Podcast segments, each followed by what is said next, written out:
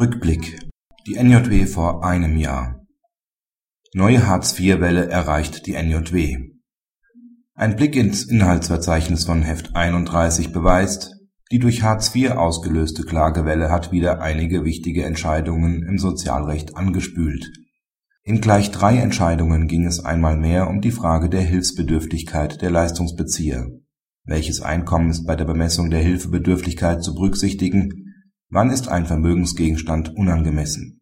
Letzteres war auch Gegenstand einer Entscheidung des BSG, die in der NJW von vor einem Jahr abgedruckt wurde (NJW 2008, Seite 2281).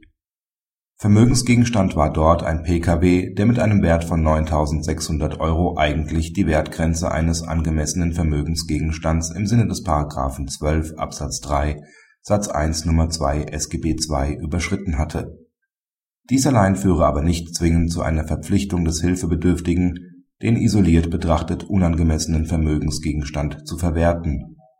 Die Entscheidung über eine Verwertung dieses Gegenstands dürfe nämlich nicht isoliert betrachtet erfolgen, sondern nur aufgrund einer Gesamtbetrachtung der dem Hilfebedürftigen zustehenden Freibeträge im Sinne von § 12 Absatz 2 SGB II, urteilten die Kasseler Richter in dieser Entscheidung